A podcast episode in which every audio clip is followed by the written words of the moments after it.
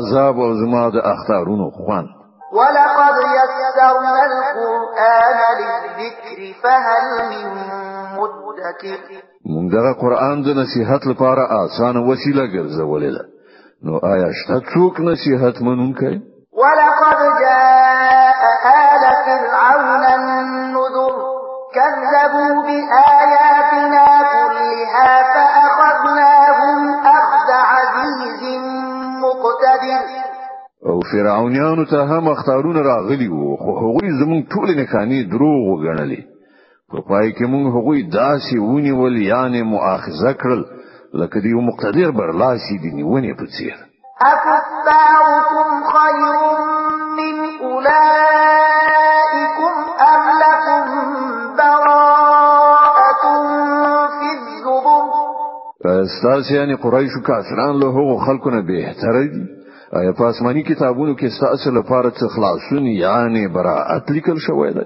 ام یقولون نحن جميع منتصر یا دوی دا وایي چې موږ یو محکمه ډله یو خپل ځانونه به وژغورو سيهزم الجمع ويولون الدبر ډیر ژر به دغه ډلې ته ماته ورکړی شي او دوی ټول به شاړونکي تښتیدونکي ولیدل شي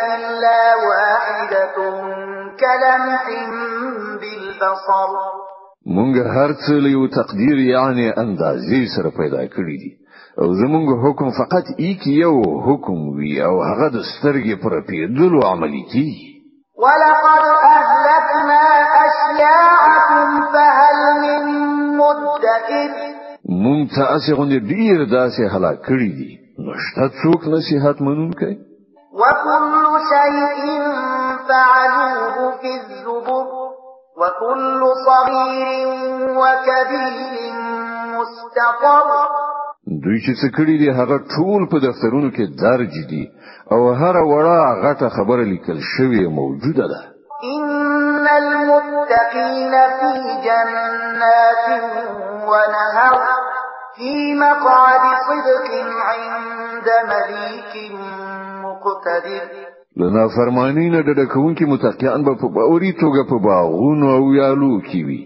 د رښتیاني عزت ځای د ډیر مقتدر خدای په وړاندې د